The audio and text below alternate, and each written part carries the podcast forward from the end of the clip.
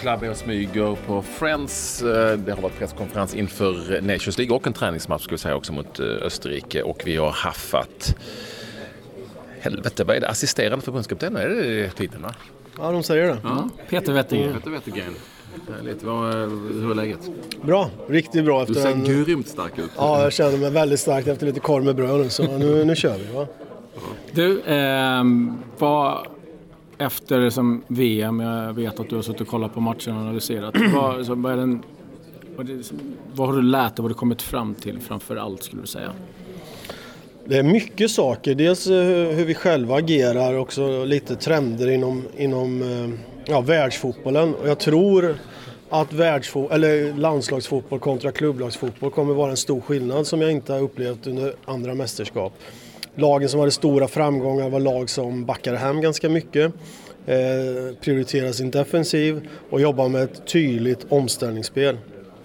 Lag som hade possession, Spanien, Argentina, i viss mån Brasilien också, hade svårare att bryta igenom motståndarna och det tror jag beror lite på att man har mindre tid att jobba just med sista tredjedelen, genombrottsfasen. Så de som lyckades väldigt bra det var lag som prioriterade sitt, sin defensiv. Och det tror jag inte kommer ske i klubblagsfotbollen utan det tror jag eftersom du jobbar med de här processerna varje dag och träffar spelarna varje dag så kan du lättare hitta lösningar hur du löser upp sista tredjedelen. Så det, det är en stor trend som jag såg i världsfotbollen. Om jag tittar på hur vi själva agerar så, så, ja, så rimmar det ganska mycket i det jag sa. Vi var väldigt starka i vårt, i vårt försvarsspel, vi satte defensiven på ett väldigt bra sätt. Och jag menar att våran organisation är våran X-factor som jag brukar prata om. Ska man lyckas någonsin så måste man ha en X-factor och våran X-factor i svensk eh, landslagsfotboll just nu är organisation och starkt försvarsspel. Vi kommer inte kunna rent tekniskt sett, eh, possessionmässigt sett, mäta oss med de bästa lagen. Däremot så vill jag bli bättre i det för vi har en stor utvecklingspotential just i vår speluppbyggnad. Det går ju alltid trender, du vet ju, i fotbollen. Såväl i klubblagsfotbollen men även landslagsfotbollen. Och då blir det ju lätt så att eh, många ska imitera det som eh, har varit framgångsrikt. Eh, som vi kanske såg, som du är inne på, under mästerskapet här. Kommer, kommer Sverige att utveckla det spelet vi har nu till någonting annat eller kommer vi fortsätta på samma linje? Vi kommer att fortsätta med det vi är bra på men som jag sa avslutade förut så måste vi bli bättre i vår speluppbyggnad eh, för att vi ska ta nästa steg och det är någonting som som en utmaning både för, för mig och Janne och vi pratar väldigt mycket om det. Hur ska vi göra för att bli bättre i, vårat, eh, i våran speluppbyggnad och nerifrån? Vi tycker att vi har väldigt bra omställningsspel, det är också en del av det offensiva spelet men det finns stora förbättringspotential potential att göra just i den fasen. Handlar det om vilka, handlar om vilka spelare som är tillgängliga och, och just nu tillräckligt bra? Eller handlar det om bara en grundidé? Nej, grundidén finns där men sen är det ju liksom vad har, man, vad har de här spelarna för roll i, sitt, i sina e-, egna klubblag? Eh, det tittar vi också väldigt mycket på. Jag menar vi kan ju inte ta en spelare och sen göra om honom och göra mm. honom till någon annan än den han är i sitt klubblag. Eh, så att det är väl en kombination av, av båda två sakerna. Nu testar ni till exempel Viktor Claesson som en, som en anfallare. Jag vet att ni mycket haft att de kreativa spelarna ska vara på kanterna, att ha honom lite längre fram. Är det också att det öppnar för att kan ha en liten annan typ av forwardskonstellation? Både ja och nej. Jag menar Ola, om man tittar på hur Ola spelade så är, ju han också en, en liten droppande forward. Eh, Eh, Robin Quaison som kommer in eh, också har de förutsättningarna. Kiese Thelin är bra i det som Ola var bra på, just det långa spelet och även han som droppande. John och Marcus klarar av båda sakerna också. Så det är mer vad vi ger dem för roller så att säga. Eh, det, men det viktigaste för oss är att de två som jobbar som forwards ska jobba som ett par, att de är, göra, vill göra varandra bättre och hitta ett kombinationsspel sinsemellan. Sen jobbar vi väldigt mycket med att försöka få in våra kanter också. Eh, jag tror också att man jobbar väldigt mycket som par, den ene forwarden och den yttermittfältaren på samma sida. De också jobbar med platsbyten. Eftersom alla lag i Europa idag jobbar med zonmarkering så handlar det om väldigt mycket att dra bort markeringsspelaren för att öppna upp en yta för någon annan. Och då kommer den offensiva speluppfattningen spela en stor roll, eh, mm. hur vi vill göra. Du, det var ju den fegaste uttagningen någonsin här. Ja men ni tog ju med, det, det, det handlar ju bara om att inte vilja vara med.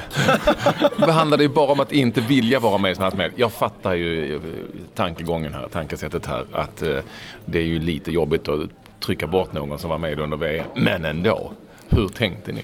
Var, var ni fega här eller? Satt ni och sa ah, vi kan fan inte ta bort någon som var med i VM? Nej, det, det, tycker inte jag. Liksom.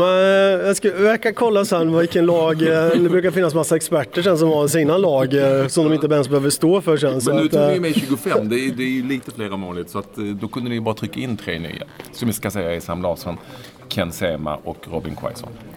Nej, vi kunde tagit ut ytterligare några till. ja, men nu är det stann... behållit de andra som inte hade tackat nej. Ja, de har verkligen gjort sig förtjänta av den här platsen och eh, de ska få visa upp sig nu att de fortfarande ska vara med. Så att, eh, jag tycker inte det var någon feghet utan just nu så upplever vi att det här är de bästa spelarna vi har. Min attack funkar inte. Du... Nej, nej. Den, den, den går Men lite fegt var det ju lite ja, jag, visste, jag visste att det här skulle komma från er. Det är så typiskt. För mig? När man, det var ju bara för mig. Inte ja, fylla, fylla ja, varför, för att gör man inga förändringar så är det alltid feghet så att säga. Men ja, jag tycker inte det. Men på tal om förändringar då. Eh, har ni som suttit och tittat och funderat på hur ni ska som skruva på, på det ni har gjort bra och att kan liksom kliva fram? Jag menar, VM är en sak där man kanske möter en typ av motstånd och nu är det som Nation League och ett kommande kval.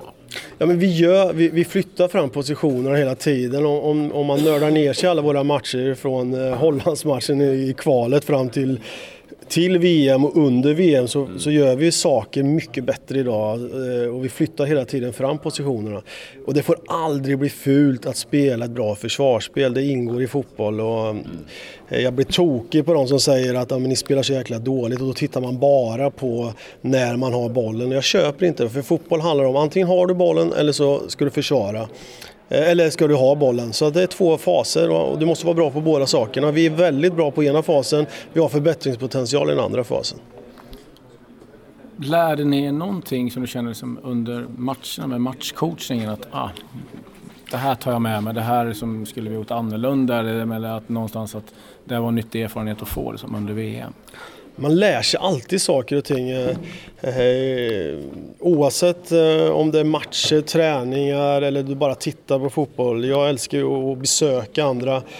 Innan VM var jag i Valencia och besökte dem. Tog med mig jättemycket saker och ting därifrån. Och jag kommer fortsätta göra det. Det handlar om att hela tiden vara nyfiken i den rollen man är. Att hela tiden vilja, vilja förändra saker och ting för att göra det bättre. Eh, så jag lär mig hela tiden. Jag lärde mig en del saker under VM också. Men det är inga stora grejer. Det är liksom detaljer där, detaljer här och sådär. Men ja. Jag tänkte jag skulle prata lite om Robin Quaison. Han var ju med i senaste eh, framgångsrika U21-svängen eh, när vi, när vi gick och vann EM. Han var ju väldigt ojämn där också och ibland gick liksom lite upp och ned både i träningar och matcher. Hur mycket har ni sett honom nu och hur ser du på det? Hur, hur har han varit? Jag vet att ni ser alla spelare jäkligt mycket så därför ställer jag frågan till dig. Nej, men, eh, lite hur, var, hur, vi spelar fotboll så, så har Robin Quaison några egenskaper som jag tycker jäkligt mycket om. Alltså, för mig är han en power forward. Mm. Eh, han är duktig tekniskt sett med bollen. Eh, jag tycker han har utvecklat eh, sitt spel, framförallt sitt felvända spel som forward nu eftersom han hamnar i de lägena ganska mycket. Men just det här med hans power, eh, när han blir rättvänd, när han vinner boll, hur han går iväg från den ytan, från den pressade ytan. Eh, han, är, han är en väldigt spännande spelare för mig och det ska bli jäkligt kul att, få snabbhet. Det finns snabbhet där? Ja, det finns det. Det precis som jag sa, power. Ja, ja. Power. Power snabbhet? Mm, det är för mig det. ja, okay. Power snabb. Power snabb. Ja. Han gjorde ett eh, väldigt snygg assist eh, där han löper ifrån Badstuber här i helgen. Mm. Så sent. Eh, var nere själv och såg den matchen. Så att han gjorde ett väldigt bra intryck på mig. Han har utvecklats med år. Ja, det hoppas jag att... Ja, det, sen... Vad ska jag säga? Du pratar om u och det, han var väl inte helt ordinarie i det u landslaget Eh, men jag har följt honom sedan AIK-tiden mer eller mindre. Som jag var i Elfsborg då så jag har alltid tyckt att det var en oerhört spännande spelare med eh, mycket härliga kvaliteter och jag tycker han har blivit bättre och bättre och tror också att han är en klubb där de tror väldigt mycket på honom. Ken Sema tillbaka igen, eh, få speltid i Watford och Premier League. Vad var du imponeras av, av honom och hans tid i Watford?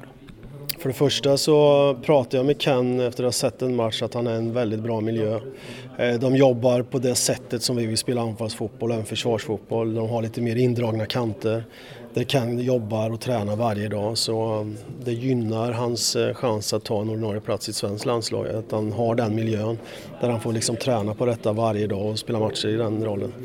Eh, jag tycker han har två riktigt bra konkurrenter som han slåss med. När man är och tittade på honom så kom han, in, kom han in i matchen, han startade inte matchen och det gjorde han inte de andra matcherna heller utan han har kommit in. Men som sagt miljön och den omgivningen och eh, det han får göra varje dag tror jag kommer gynna Ken oerhört mycket. Och vi gillar, ju, jag gillar ju såklart Sam Larsson eftersom det här har vi egenskaper som vi till viss del har saknat eller inte har jättemycket av. Eh, är det också därför han är med? Men det är ju så i världsfotbollen, eller landslagsfotbollen eller klubbfotbollen också. Du måste göra din gubbe för att skapa numerära överlägg någon annanstans i plan. Det, det, man strävar ju efter att komma i numerära överlägg. Sam Larssons en mot en eh, spel mot en defensiv spelare eller hans back eller vad du ska säga är Sam oerhört duktig på och det är för mig en egenskap som gör honom riktigt spännande. Eh, och han har ju varit med förut och visat, eh, bland annat mot Ungern i en träningsmatch visserligen så gjorde han ett väldigt bra intryck på mig under den samlingen och sen har han haft lite otur med skador inför VM men, men uh, har kört på nu och verkar som att, han har tagit en ordinarie plats i Feyenoord. Och jag hoppas att uh, den holländska skolan är också sån att du måste göra din back som yttermittfältare eller ytterforward vad du brukar kalla det. Och det, det är bra för Sam. Vilka saknar vi då, Klabbe? Man kan inte bara säga att man inte ska ha med någon om man inte säger Oj, vilka saknar vi? Ja. Saknar vi någon? Nej, nej inte, inte direkt. Alltså, det är klart samma att lite, lite. Nu, nej, nej, men det är inte jag som har sagt det. Så jag, jag, samma men då ska jag ställa samma fråga till Patrik nu. Vilka saknar ja. han? Som... Jag saknar möjligtvis eh, AIK Atens vänsterback som jag tycker har varit jäkligt bra i det jag har sett i eh, matcherna mot Vidi. Han heter? Ja, Hult. Ja, Niklas Hult ja. Vi har ju inga vänsterback i övrigt. Nej, nej, men han tycker jag har varit, eh, alltså om man nu talar spelare som har gjort någonting här på höstsäsongen har de ju tvingats göra det eftersom man har spelat i ett kval i Champions League. Han tycker jag var skitbra. Eh, och jag är ju då eh, lite svag för eh, Simon Gustafsson. För det är också en typ som jag gillar. Men jag är inte säker på att han passar in i den grundidé som det här landslaget har. Så där, där, har vi, där har vi två spelare som jag... Mikael Ishak hade jag kanske möjligtvis varit lite Ishak, nyfiken på. Mikael Ishak och om vi ska gå på allsvenska spelare så kanske det hade varit läge att se Gidon Hamad. Vad vet jag. Men mm, det är väl kanske de i så fall. Men det, du har rätt. Det, mm, där jag gillar i och för sig att Quaison får möjligheten för jag tycker att när han är som bäst så har han eh, extremt bra kvaliteter som vi inte riktigt kanske har haft tidigare. Så att, eh, det finns ju några där. Och sen tycker jag det är synd att andra spelare inte har fått kommit igång som vi hade hoppats. Till exempel Carlos Strandberg. Det har inte blivit riktigt vad vi hade hoppats kanske den här säsongen. Och så finns det ytterligare några såklart som jag har hoppats mer på. Men så att där fick du några namn. Mm. Är jag helt fel på det? ja, det är intressanta namn du eh, läste upp. Eh, jag tycker det är bra fotbollsspelare. Så att, eh... Nej, men du, du eh, Peter, eh, Janne har ju förlängt här. Jag tror att han har sparat några stålar till det. Han fick en löneökning hörde vi. ja, vi får väl se vad som händer och sker. Eh, ingen aning just nu. Ja, vi får se, helt enkelt. Ja. Hur länge har du, sträcker sig ditt kontrakt då? Mitt kontrakt gäller fram till EM 2020. Och Janne har, säga, har skrivit eh, över 2022 helt enkelt. Eh, och eh, uppenbarligen är det så att det finns några kulor kvar till se. Tack för att du ville vara med oss här. Tack själva. Ett poddtips från Podplay. I fallen jag aldrig glömmer djupdyker Hasse Aro i arbetet bakom några av Sveriges mest uppseendeväckande brottsutredningar går vi in med hemlig telefonavlyssning och, och då upplever vi att vi får en total förändring av hans beteende. Vad är det som händer nu? Vem är det som läcker? Och så säger han att jag är kriminell, jag har varit kriminell i hela mitt liv men att mörda ett barn, där går min gräns. Nya säsongen av Fallen jag aldrig glömmer på Podplay. Vi har hittat Jan Andersson här efter en jäkla massa intervjuer. Hur många intervjuer har du gjort här nu efter presskonferensen? Det brukar vara någonstans mellan 7, 8, 9, 10 någonting brukar det vara totalt som det blir. Och vi står då sist i ledet här. Ja, så är helt knäckt. Du är en helt knäckt. Nu vill han bara hem. Kul att du ändå ställer upp. Och eh, vad har du för tankar nu när det liksom är dags att börja om igen? Nah, så roligt. Dels man skiljs ju dagen efter där i Gellenschik efter 47 dagar tillsammans och så åkte man hem. Och jag hade den 48 dagen på hemmaplan också när spelarna hade åkt hem. Men eh, så det är klart det ska vara roligt att träffas igen. Man lever ju väldigt tajt ihop och trivdes väldigt bra tillsammans. Så, så att både landslagsledningen och även spelarna ska bli kul. Sen är det ju Eh, den här vänskapsmatchen då mot Österrike som vi inleder med tycker jag är bra att vi får det för det innebär att vi kan eh, matcha runt lite och prova lite kanske i den matchen och se. Och sen, så, sen är det ju skarpt läge mot Turkiet och Nations League får ju den effekten nu att det gäller ju liksom att prestera med detsamma med så få matcher i en serie. Och sen det resultatet då den här tabellen får så tydlig effekt in på EM-kvallottningen sen 2 december så är det, det är skarpt läge med detsamma så att det, det, blir ingen det blir ingen liten semestervecka här nu där vi, där vi liksom kan snacka VM-minnen och sånt utan det är full fart framåt som gäller från dag ett när vi träffas. Jag vet att eh, när du var i Norrköping så ville du ta bort allting som hade med guld att göra. Har du några liknande tankar att nu är det färdigsnackat med VM? Ja, ni får en hemlis. Ni var ni första som ställde frågan. Nej då. Igår skickade jag faktiskt ut en film, Marcus som, som är filmare för oss, som skickar ut på egna kanaler och sånt. Filmar en del från omklädningsrum och, och annat från VM. Han sammanställde en film på ungefär fem minuter med musik till som handlade om VM. Och den filmen skickade jag ut till alla som var med igår och talade om att nu är det färdigsnackat om VM. För imorgon tar jag ut truppen. Då är det nuet som gäller igen. Så att för mig är det väldigt tydligt och det kommer spelarna få höra på måndag också att nu är det liksom framåt som gäller. Nu kan vi inte gå omkring och vara så glada för, för VM längre på det sättet. Det har man med sig, man har gemensamma erfarenheter men nu gäller det liksom att prestera igen. Du drog ett uh, markant streck där alltså med filmen. Som Loverboy som han kallas också, Marcus uh, skickade ut Marcus Eriksson igen. Loverboy, det kan du ta med honom. Ja, så får du en av oss. Så får du, får, får du en av oss med markant streck. När du ändå är inne på, på Nations League. Problematiken kring detta är ju att när det är nytt att det vi såg en film alldeles nyss. Mm. Man blir ju inte mycket klokare alltså på hur det fungerar. Kärnkraftverket, jag tror att du har satt in i väldigt mycket mer än vad många andra har gjort. Men tror du, spe, tror du publik och spelarna, hur ska du informera dem? Kommer de ha koll? Ja, alltså vi, vi, har ju informerat dem en gång redan i våras för att ge dem en första syn. Men, men det var väldigt kort bara för att de skulle liksom förstå överhuvudtaget vad, vad vi ska in i så att säga till hösten. Nej men det är väl som en inkörning som, som så mycket annat och jag, jag är ju inte sådär, alltså, jag är ju inte odelat positiv för jag kan ju tycka att det kan vara ganska bra med lite vänskapslandskamper. För den största effekten blir inte kanske i höst för i höst är det fyra tävlingar och två mm. vänskap. Det kanske där det varit annars. Det är ju nästa år. Det kan ju bli så att det bara blir tävlingsmatcher nästa år. Eh, och inga vänskap om vi hamnar i en sexlagsgrupp. Hamnar vi i en femlagsgrupp så blir det två tävlingsmatcher, åtta, eller två vänskap och åtta ja. tävlingar. Och det är klart som förbundskapten så vill man ju även ha de här tillfällena att testa lite och prova lite och sådär. Och det, det inskränks så jag är ju inte odelat positiv men nu har, ju då, har man ju då valt den här tävlingsformen och, och, och har det på det här sättet och då gäller det att vi hittar vår väg in i det. Den blir ju extremt viktig med tanke på att om vi nu blir etta eller tvåa i gruppen så hamnar vi i den här andra potten. Blir vi trea i gruppen så hamnar vi i tredje potten. Bara det är ju en enorm skillnad. Alltså hamna i andra eller tredje potten. Det är en sak. Dels för lottningen men även för chansen att ta sig in bakvägen. Och sen så då den här uppflyttningen kan man vinna den här gruppen, gå upp i Serie A till nästa gång. Vilket man gör då som etta. Blir man trea så går, trillar man serie till C va? och är man tvåa så är man kvar i B. Så det är lite raffinerat, det påverkar alltså väldigt tydligt. Det blir väldigt tydliga effekter och det får man ju lära sig efterhand och hoppas att, att man liksom sätter sig in efter, efterhand både som journalist och som, som spelare och som, som åskådare. För att det, det, kommer vara viktigt, det kommer få påverkan alltså. Och det är ju det som är hela tanken, att det ska bli matcher som, som betyder något och det kommer de göra.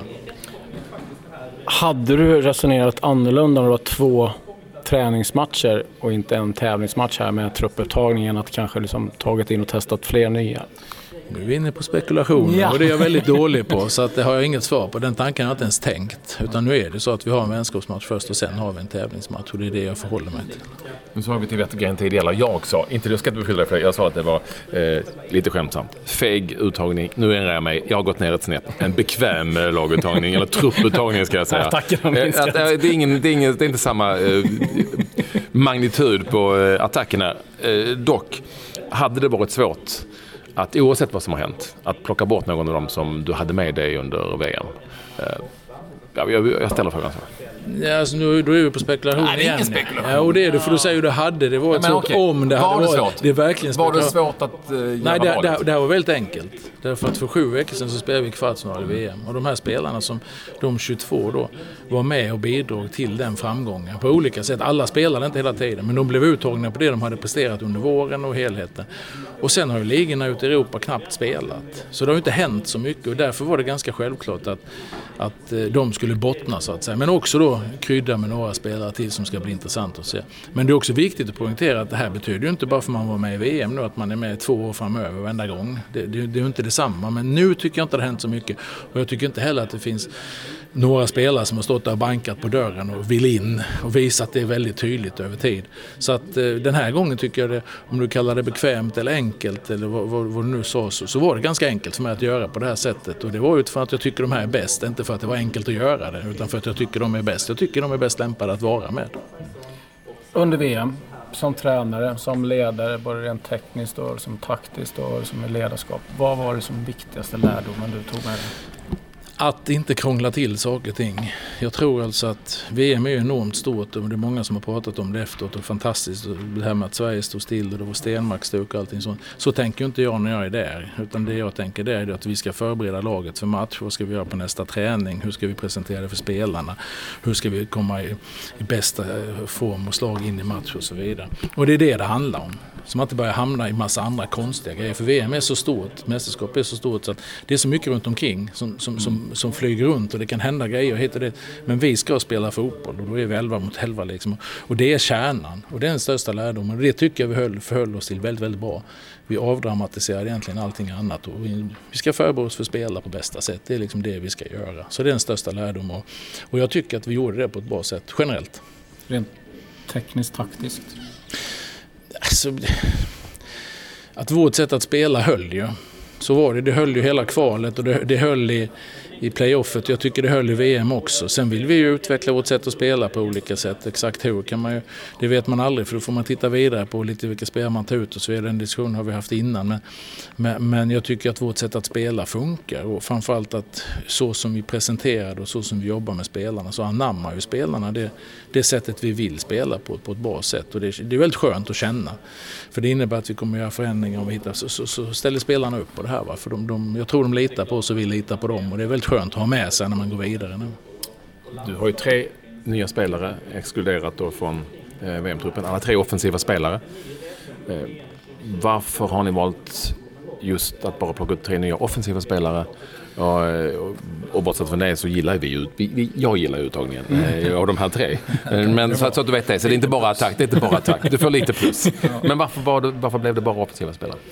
Alltså när vi tittar, vi går igenom varje position såklart och har koll och rankar spelare så, så tycker vi att det här var de som var närmst och var de som kändes mest spännande att titta på nu. Sen vill vi ju inte ta ut 30 spelare för då, då blev det liksom inte, utan det var ju några stycken extra vi kunde ta med. Och då kändes det här som att det var de tre mest intressanta spelarna att få se. Då. Du, om man tittar på försvarsspelare, eh, nu är det ju inte din vardag, eh, men hur ser du utifrån på det som händer liksom med, med Victor och, och den kritiken som han får i, i Manchester United?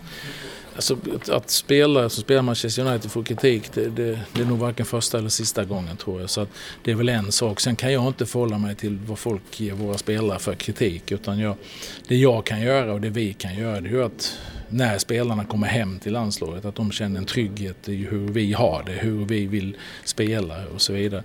Och därmed skapa förutsättningar för att de kan prestera hos oss. Och Vigge har aldrig gjort mig besviken i landslagssammanhang. Han gjorde ett jättebra VM och så vidare. Så att jag är helt övertygad om att han kommer hem och gör det också. Sen hoppas jag ju alltid att liksom, klubbmiljön är, är lugn och trygg också och att de får chans att spela mycket och allt det här. Det, det är ju ett önskemål så att, men jag kan ju inte påverka det. Så att det får leva sitt liv lite vid sidan och sen så får vi liksom göra vårt på bästa sätt när vi träffar spelarna. Nu är ju nu. Ja. Vi har lärt oss det. Eh, Men alla andra kommer ju att säga att jo, men så här gjorde vi i VM. Här. Eh, Det gick jäkligt bra. Eh, Hur mycket kommer du påverkas av det? Nej, för mig är det ju eh, då var då och det var VM och jag, jag säger det igen, jag, jag, är själv väldigt bra på det här och eh, att förhålla mig på det sättet. Så att det är klart det här ska ju inte bli en samling där vi sitter och pratar VM-minnen utan VM är ju stängt nu. Och nu gäller det Hänger man kvar i gammalt så, så blir det inte bra nu. Och det, det, det, är mitt sätt att förhålla mig till saker och ting och det är det jag försöker sprida omkring mig. Sen är ju alla människor sina tankar och funderingar men vi kommer väldigt tydligt att så här, nu, nu är det det här som gäller liksom. Och, och nu gäller det att prestera på nytt och det är ju det som är både tjusningen och utmaningen med idrott. Va? Att går det dåligt så får man en ny chans, vilket är bra. Och har det gått bra så gäller det att prestera igen. Och, och, det är det det handlar om. Du kan liksom inte hänga kvar i gamla, varken merit eller gammal skit, utan det gäller att gå vidare. Så att, precis som du säger, det är säkert många andra som kan, som kan tycka på ett visst sätt. Men jag är väldigt tydlig hur jag ser på det. Hoppas, att, hoppas och tror att jag kan förmedla det till min omgivning också. Då går vi vidare. Ja, jag har bara en sak. Jag är lite nyfiken. Ja, eh, så ska jag säga grattis till förlängningen nu, och, och löneökningen givetvis också. Ja, ja. Men jag är lite nyfiken på... Det var ju alltså nu. Eh, eh, men just så här, 2022. Mm. Klubbtränare, ja då sitter man kanske och tänker väldigt mycket framåt och, och planerar. Mm. Hur långt fram är du? Är du bara den här samlingen? Eller tänker du även steg framåt? Jag tänker med spelaruttagningar och funderingar. Alltså nu, nu jag är verkligen med nuet. Men så är jag inte dummare att jag kan lyfta blicken och räkna ut att det kommer bli en spelomsättning så småningom och det händer grejer. För så är det ju hela tiden, så är det ju även i ett klubblag. Så man måste alltid ha ett kort perspektiv och ett långt perspektiv. Men jag är då jag, är väldigt, jag gillar ju det långsiktiga tänket, att man inte tappar det. Även om nuet ska finnas, du måste vara max när du gör det här, så måste det finnas ett långsiktigt tänk. Och det är klart att, att den liksom, alltså trivseln som jag känner i den här rollen och den tryggheten jag känner i rollen så, så är det väldigt skönt att kunna ha ett fyraårigt perspektiv nu. Att fortsätta bygga vidare på de tankarna och idéerna som Peter och jag har. Och sen är det tuffa utmaningar som är framför oss. Det, det kommer bli många, många tuffa matcher framöver. Men det är ju som sagt tjusningen i det här. Men jag, jag känner en enorm glädje över att, att vi är överens om det här redan nu. Så att man liksom kan, nu kan vi titta både långt men framförallt kort till att börja med. Jag säger på det, nu är nu, då och då, men Pommo består. Mm. Pommo består alltid. Mycket Pommo, det är viktigt.